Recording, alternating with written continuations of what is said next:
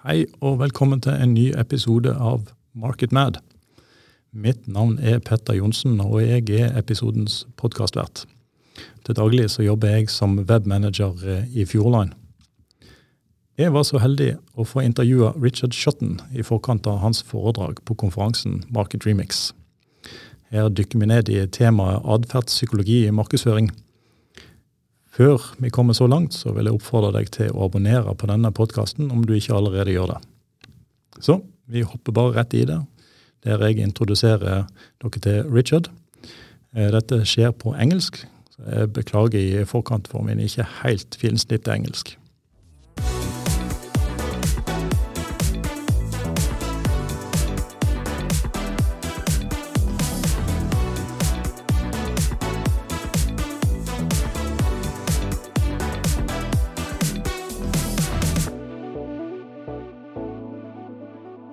So, welcome to another uh, edition of our podcast, Market Mad.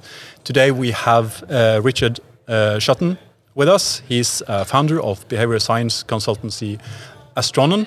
Uh, he specializes in applying behavioral science to marketing. Uh, he has worked in marketing for 23 years and is the author of the best-selling book, The Choice Factory. And his new book, The Illusion of Choice, came out in March this year. Welcome to the podcast. Nice to meet you.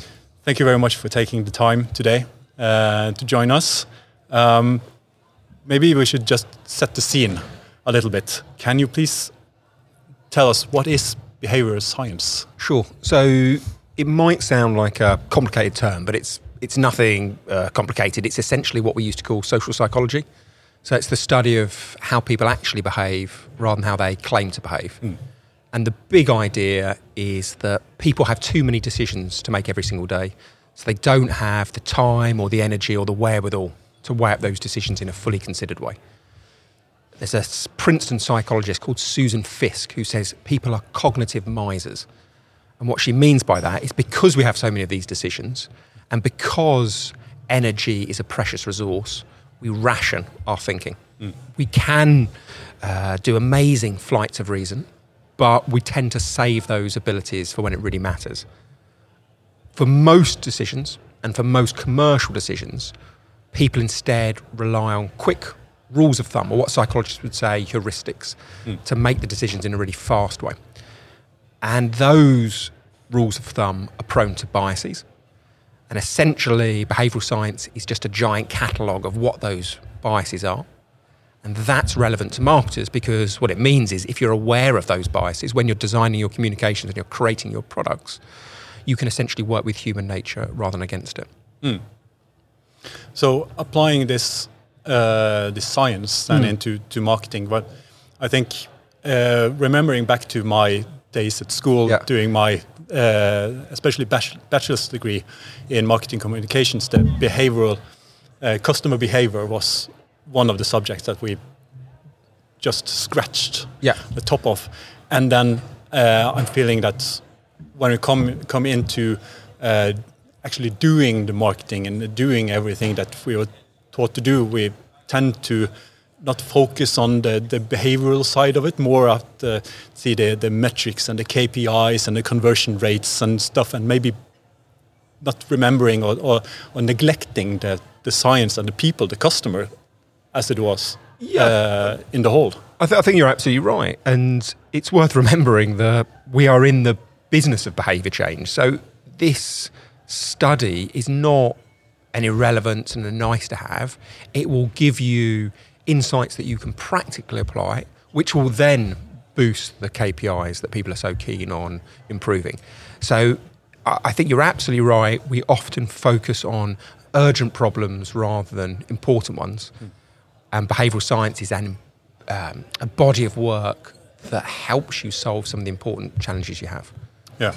So you have any examples of of how, say, the, how the behavior science would would uh, give you an edge as a as a brand, or, or, getting you to understand the consumer better to to uh, to uh, react on it. Yeah. So one one example, which we'll talk about later, is an idea called social proof.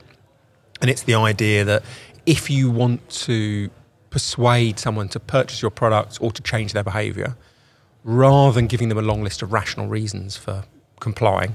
Instead, you should try and create the impression or directly communicate your popularity. Hmm. So, social proof is the argument that if you make yourself appear popular, you become more appealing and you become uh, more likely to be purchased.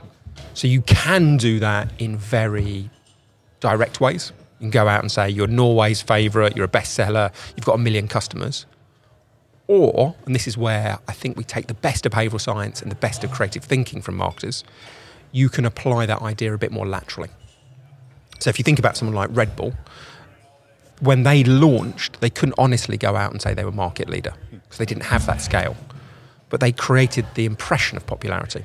So what they did when they launched, they identified where their core target audience was, nightclubs. And just before those nightclubs closed for the evening, they would go down with giant sacks of crushed empty Red Bull cans, pour them into the bins nearby. And so when people came out of the nightclubs, they thought, when they saw these bins overflowing with Red Bull, they thought everyone inside the nightclub was powered by Red Bull. That's why mm. they were so energetic. Yeah. So that, I think, is a creative example of taking an insight from behavioural science, applying a bit of lateral thinking, and then maximising the effect of one of these biases. Now, I'm not saying you should behave as unenvironmentally friendly as that, but if you see the underlying point of this illusion of popularity, that's a massive opportunity do I remember correctly when I'm thinking back to the launch of the iPod? Yes, I think yes. when they gave out the iPod to say the, the, the cool kids at high schools and colleges in the US before launching it to create the ah. buzz. And uh, when it launched, everybody wanted it because all the cool kids had it. And yeah. but it was scarce in yeah. yeah. Uh, they couldn't get it themselves. Yeah. Apple's a lovely example of social proof. Um, the interesting thing I, I, think that they did was not only that seeding of the product, but also they made their earbuds white. Mm. So at the time, everyone else had bland black interchangeable black headphones. Yeah. So if you were in a cafe and you saw someone listening to a Samsung or a Philips, you generally had no idea what brand it was because the hardware was in their pocket. That's where the logo was. The only thing that was on public display was the bland black headphones, which were interchangeable and therefore unidentifiable. Mm. So all those brands allowed their success to become hidden away. The amazing thing with Apple, with those distinctive white headphones, you saw anyone listening to an iPod and you knew it was an iPod even if you couldn't see the hardware, you couldn't see the logo. Yeah. So they made their success visible. The competitors allowed their success to become invisible. And that to me, again, is an example of Apple laterally applying this principle of social proof, creating this illusion of popularity which sets in train a, a virtuous circle. Yeah. Um, there's a lot of uh, talk about uh, businesses don't have, well, consumers don't um, uh, feel that, that, that there's any say proof in what companies are communicating. They they want to to rather uh, uh, listen to what friends or influencers or whatever the ads are have not having the same effect because there's yeah. no say. Could you say the proof in the pudding yes. when they're yeah. very skeptical yes. to, to that communication? And I think consumers have always been skeptical. You could go back to a Roman market 2,000 years ago, and people would have been skeptical what the I don't know fishmonger was saying about his amazing catch that day. People have always known that those who are selling have a vested interest to put a positive spin on the truth. So I agree there is a trust gap. But I think that trust gap's always been there. Mm. And because it's always been there, the thing that we should take from that is some of the tried and trusted techniques from the past mm. can still be used. So, for example, there's a, there's a great study from Schindler at Rutgers University where he recruits a group of people and he shows them an ad for a, a deodorant. And some people get this ad with the claim it reduces perspiration by 50%, some others get the same ad, but the claim changes to reducing perspiration by either 47% or 53%. Mm. In all other respects, ad's exactly the same. Schindler then asks everyone, after they've read through the ad, whether they believe the ad, whether they think the claim is accurate. And he finds a notable difference between the two sets of people. The group that saw the precise claim rate the believability of the ad 5% higher and the accuracy 10% higher. Mm. So Schindler's argument is if you are making a claim and you think that your audience is going to be skeptical, introduce an element of precision. And most advertisers don't do that. Most advertisers talk about a million users or a 50% reduction in perspiration. Hmm. Schindler says that's a mistake because people have learned over time that communicators who know what they're talking about talk precisely, communicators who are speculating talk generally. Now, think about this from your own perspective that if someone says to you, How old's your brother? you would say 42 or 43. You'd give a very specific answer. Hmm. But if someone said, How old is that neighbour 10 doors down the, from you? You'd say, Oh, they're in their 60s, they're in their 70s. If you know what you're talking about, you speak precisely. If you don't, you speak generally. Hmm. And over time, listeners fuse those two things. So there are lots and lots of tactics that behavioral scientists have identified to boost trust. And one of them is to be much more precise in your communications. Yeah. You know, if you are a baked bean manufacturer, 57 varieties is believable. 50 is just something that's forgettable and uh, dubious. Yeah. Is that, um, uh, uh, could you talk about the same principles when it comes to pricing of products? Or it's, Absolutely. Um, there is a lovely set of studies from Janiszewski and, and Hughes at the University of Florida that suggests if people see a precise price, say 11 euros, they think that is better value than if they see a round price, hmm. say 10 euros. Their study, though, was originally done in, in slightly abstract lab settings. That has now been repeated in a real world setting by Uber. So Uber have a behavioral science team. They run hundreds of experiments, and one of which was randomizing people into a number of different groups, and they all saw different surge prices. So you and I could be standing on a road. You get a surge price for two x, I get a surge price for two point one x. What they found was that people who got that two point one x surge price, they were more likely to take the ride than those who got the Really? round price. Uh, yeah, ab- absolutely. I, I think their argument, you know, similar to precision, it was essentially that if people see a rounded number, 100 euros, 2x, they think the company has just plucked that number out of the air and they assume because the company is acting in their own interests, that vagueness will be to the brand's benefit. Yeah. But if they see a really precise number, they assume that the brand has worked out exactly what the cost is and then just edged it up a, a tiny amount. So it's a lovely, very, very simple tactic that brands can apply. yeah, well, well, you see a lot, especially here in Norway, they're doing all, all always using the 99 and 99. Ah. That's a, Which they don't do in many companies in Britain. No. So they've stopped doing it. yeah, so rather hmm. than saying 100, they Yeah. say 99.99 Yes. as, a, as the price. Yeah. That, that's, that's common, but if you had put it down maybe to 97.50, Yeah. then it would be even more trustworthy because they're used to the.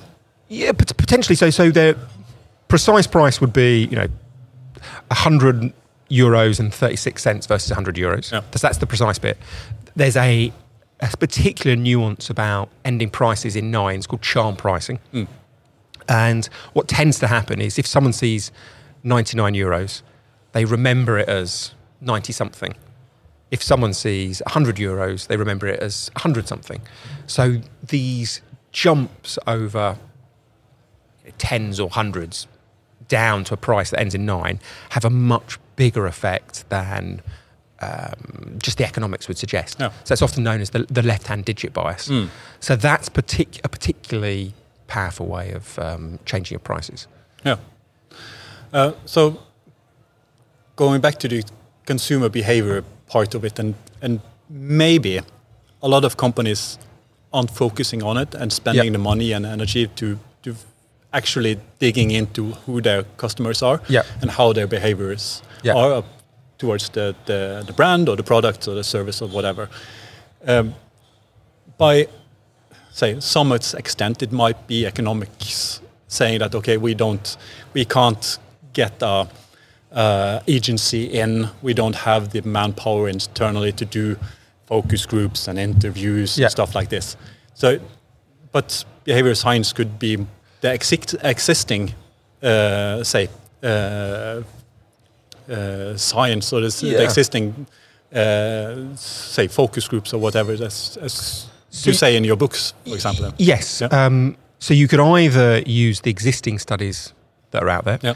um, and it's worth noting most behavioural science experiments are based on um, studies and experiments rather than focus groups. So there is a suspicion amongst psychologists, behavioural scientists about people's claims. If you went to a shopper and said, would you buy this product more if it was precisely priced? They would deny it.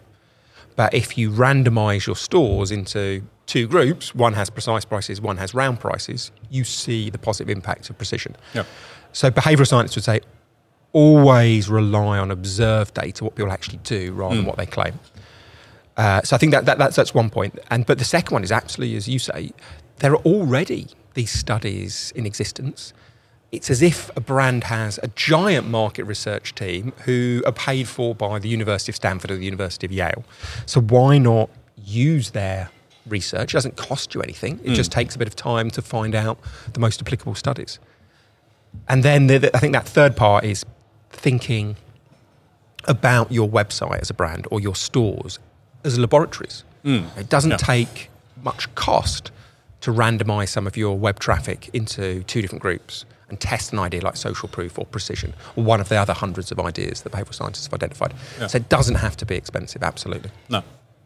So uh, there's a colleague of mine. He says that if you do, if you uh, you're doing A/B tests, for example, on your website, Yeah. and if if you get a, a say a positive or a negative effect, that is, uh, you can say this is how this this has a really positive or negative. Yes. You does do it too little. You have to do it as much as you can Absolutely. to just to even even everything out. That is okay. Oh, we yeah, have, yeah. we, we now we now know how our consumers behave on our websites. For Yes. Yeah. you're, you're absolutely right. You've got to control all the other factors. So, what you should do is one visitor comes and they see copy A, one visitor comes, they see copy B. Not everyone on a Monday sees copy A and everyone on a Saturday sees copy B because you've got you're testing two variables there, the copy and the day of week. So you're absolutely right. If you if you change more than one variable, it's very hard to attribute the success or failure back to a particular factor. So absolutely, yeah, keep all the uh, aspects the same apart from that one thing that you want to test. Yeah. Um, and you talk about, uh, say, the, the, the being fluffy or concrete in messaging and languages, uh, language when you communicate to, to consumers. Um, how do you, the, well, being specific, as you said, on, on price and on, on the Yeah. on the on the say the, the data part of it, but on, also in in uh, wording and language. Y- yes. So when psychologists talk about concreteness, that they're referring to something slightly different from precision, because 99 and a half could be a precise number, hmm. but it wouldn't be concrete. Concrete is a visual, tangible object. A square door is a concrete phrase. Basic truth isn't. So Ian Begg ran the, the classic study back in 1972 when he was at University of Western Ontario. And he gave people long lists of phrases, some of which were concrete, some of which were abstract. And after people had read through these lists, he asked them to recall as much as they could. And he found that people on average remembered 9% of the abstract phrases, things like subtle fault, um, 36% of the concrete phrases, things like white horse. And his argument was vision is the most powerful of our senses. Yeah. So if you can picture an object, it's sticky, it's memorable. If you can't picture it, it's very forgettable. What's interesting for marketers is, is a remarkable amount of our communications are abstract. We talk about trustworthiness, quality, premiumness. Hmm. All the evidence from behavioral scientists would be that tactic is flawed, and what you need to do is translate that abstract term into something that is visualizable. Yeah. So later on, I'm going to be talking about an example from Apple. And what they did was take the abstract benefit of memory for their iPods, mm. and rather than communicating it as 256 megabytes, like Philips and everyone else did, mm. they talked about a thousand songs in your pocket. Yeah. That's turning an abstract objective into a concrete piece of language.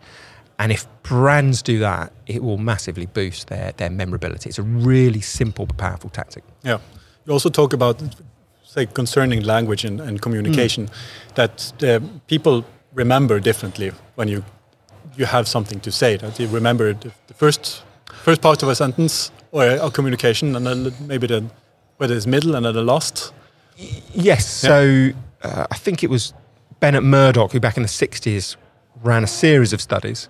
So he would read out lists of words, sometimes lists of five words, sometimes ten, sometimes twenty, sometimes forty, and then ask people to recall as much as they they could. Mm. And he saw the same pattern every time.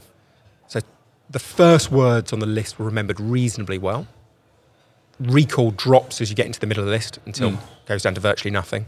And then it spikes uh, to the highest amount towards the end. So he called this the serial position effect. And it's essentially the finding that if we are given a long list of information, we remember the early things reasonably well, the middle badly, and the end very well. Yeah, okay. So Yeah. if you are writing someone an email and you think they're going to read the whole thing, be very careful about putting an important point in the middle. Yeah. Make sure beginning and the end is where you, you focus your, your core messages. Yeah, so you can apply that to communication when it comes to marketing. But Yeah. when when should your message, your main message, your main key takeaways from your communication Yes. be? Whether it's uh, to consumers or professionals, if, if Yeah. people are doing B2B advertising, if they're doing meetings, Mm. everyone, all salespeople make really big efforts to make a great first impression. Yeah. But what psychologists would say is, well, that's important, but even more important is how you end.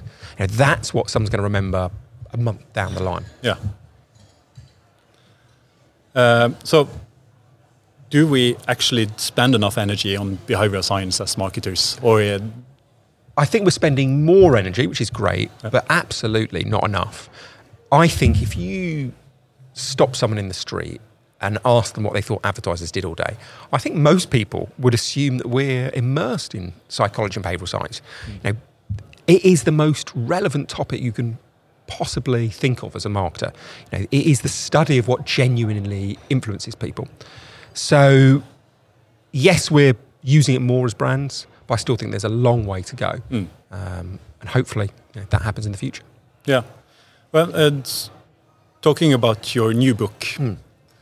You have 16 and a half. Yeah. Applying the principle of precision there. The half chapter is about precision. Yeah. Yeah, yeah. So, so using your, your book, what, what what's the key takeaways that we as marketers could have from from using the the, the information that you have in your, Yeah. your book? So in, in the book, what I try and do is look at all the different experiments and biases out there and pick the 16 and a half that I think are most relevant to marketers. Mm. So some of the topics I talk about are how to break habits because you know, if we want to encourage new behaviors, you have to break existing ones. So I talk about how to break habits, how to reform them, um, how to communicate more memorably. Mm. And then there's another few sections on how do you make your prices appear as um, palatable as possible. Mm. So it's quite a wide ranging book, but essentially every chapter I take a group of biases and talk about the existing academic evidence, then the studies I've done which show those biases are still relevant today. And then the bulk of the chapter, the most important thing is, well, now you know about this, what can you practically do differently? Yeah, and I think that's the that's the thing. uh, Going back to say the the cost and the uh, the energy that uh, one as a marketer has to s- spend on so many things. Say we we we're in a say we don't we don't do a split. We have tentacles out in Yeah. pretty much everything, like the technology and uh, say communications and then uh, behavior science and whatnot. Um, so having say very uh, easy uh, tools Yeah. to apply into our daily, daily lives. I think most of our our, our lit- listeners don't have large teams around them. They are Yeah. perhaps two or three people Yeah. in their marketing department for that company. Yeah. So how how can we how can we apply say the some of the stuff that you have in your in your book Yeah. into our daily lives for us small marketing team, but are, are always scrutinized, as you said, Les, and what what do people think about what a marketer do or advertiser does? Yeah. It would vary, but everybody has an opinion. But how can we show ourselves? The, Yeah. the good thing with these principles is they don't have to be expensive to apply. No. You don't have to uh, create an expensive TV ad to harness them. So I would suggest if people are thinking about using behavioural science at work for the first time, pick a area where it's easily quantifiable and it's easily quantifiable in the short term. So maybe a piece of sales driving work or maybe the e-commerce site. And then take half a dozen of the biases and experiment on whether they work. So you could think about um, maybe social proof at the point of sale, Hmm.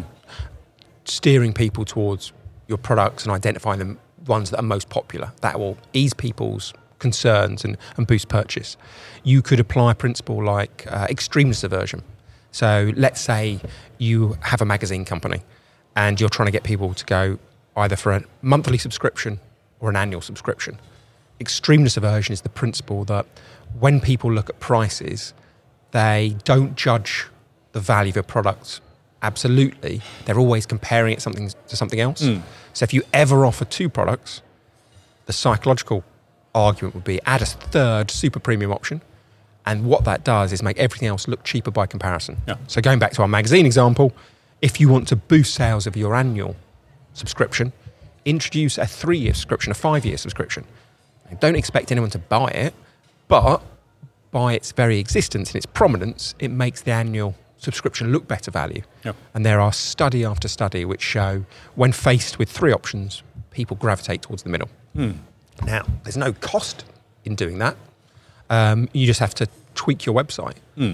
But it's a robust finding that should improve a company's margins. Yeah. So take some of these simple uh, sales converting ideas or uh, ideas to boost um, willingness to pay, Yeah. apply them in store on the website, quickly test whether they work. And once you have a few successes under your belt, then you can take the findings to other people in the office, and I think they'll be they'll be engaged and enthused to try and apply them elsewhere. Yeah. Um, and I've heard you talk about how humor sells. Oh yes, yeah, yeah. Uh, it was really fascinating because I, I, I think a lot of companies are very afraid of using humor as a communication tool uh, because they want to be seen as as serious yeah. uh, and yeah, very reluctant on use, using humor. But you found it differently. Yes, So well, you're, you're yeah. certainly right. There is a reluctance. Yeah. Uh, there's some global Kantar data over the last 30 years. They've looked at 200,000 ads and seen a long-term decline in the proportion of brands who use humour to try and sell. Mm. From the order, I think of about, let's say, I don't know, 60% of brands using it in the 1990s to, um, you know, low 50s now or, or low uh, mid 40s. Mm. So there's been a, a consistent decline in the use of humour. But if you look at various different experiments, what humour's very good at is capturing an audience's attention. Yeah. And that is a significant achievement. People are exposed to so many ads, most of them they edit out. So it's very good at capturing attention. It's very good at creating memories. Mm. And often it will reflect well on the brand. So you have a series of individual studies that point to the positivity of humour.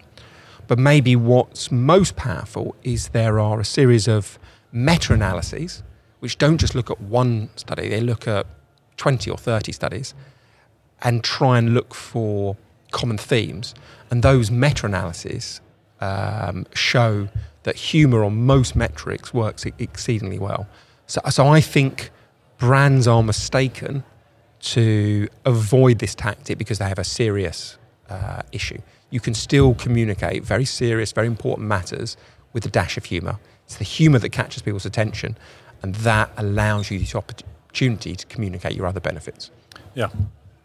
So I think that uh, maybe also when talking about humor and uh, language and how we communicate and understanding our, our customers is exactly that trying to be personal, trying to to say uh, communicate what the user or the, the the customer who they are and what they are uh, is, um, most interested in and what what it, well hits them, Yeah. say in the heart or, or in their daily lives. Yeah, no, no, no, I think another big reason why humour works is, is there's a, a long-standing idea called the halo effect.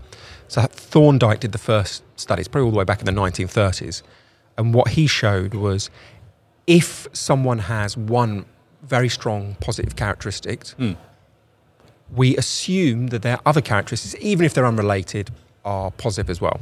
So if someone is really good looking, we assume they are more ethical and uh, cleverer and kinder. We take one finding and we extrapolate that into other areas. So the great thing with humour is it's something you can demonstrate in an ad. You can't demonstrate premiumness or trustworthiness. You can just claim that you're trustworthy. And people are skeptical of claims. So what you should do is focus your communications on demonstrations that are indisputable, and then the halo effect suggests any um, change in attitude towards you being funny or humorous or witty, that will bleed into other areas as well. Yeah. So I think the halo effect's another reason why humour works so well. Yeah, interesting.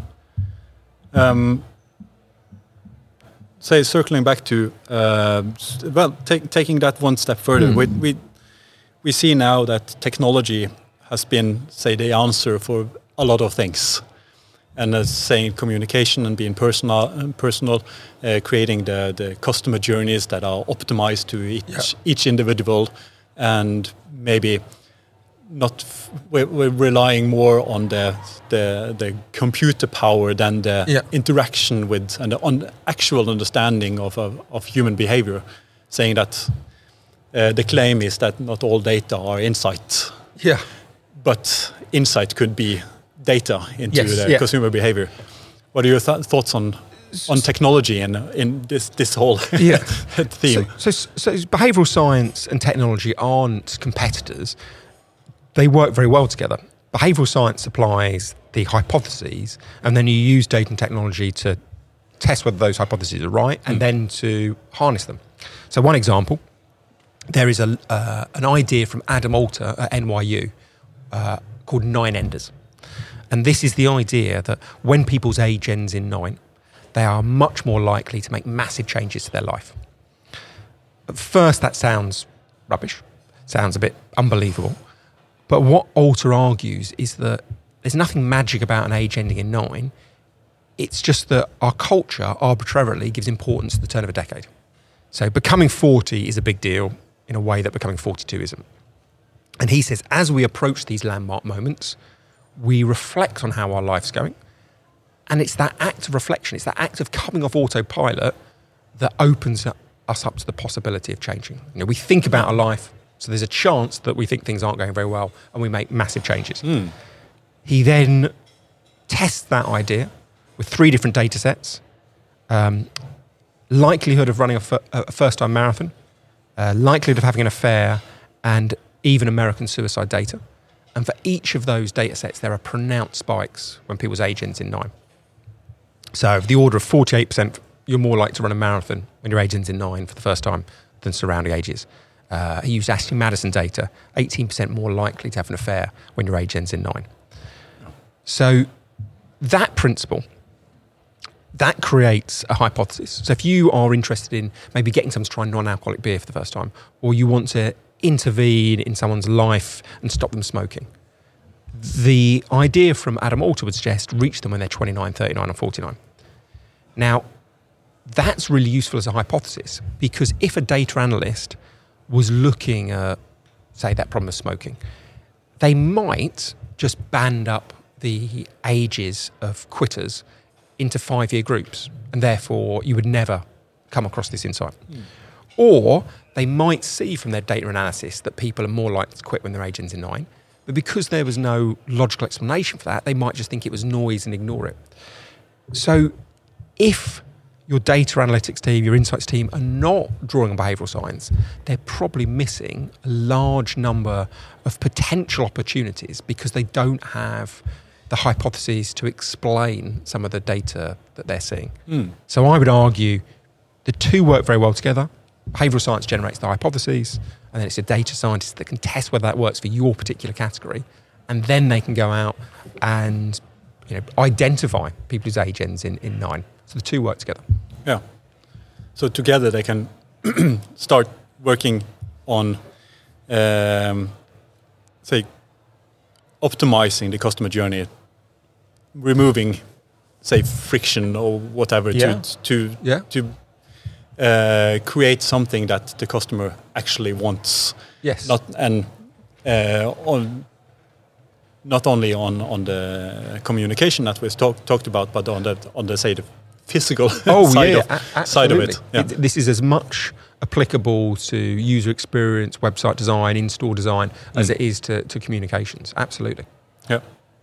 Uh, so, as you said, uh, we, we uh, the listeners may get what what was said in Yeah. the start and Yeah. then Yeah. now in the Yeah. and the end, and I think that we can uh, say that we we really we need to uh, have a look at your your first book and your uh, recent book Yeah. and uh, read more about the behavioral science and start applying it even more in our, our daily work. Uh, and I say thank you very much for your time. Thank you. Uh, Much goodbye. appreciated. Yeah, and what Yeah. great uh, recommendations to end on. Thank Yeah. you very much. Thank you.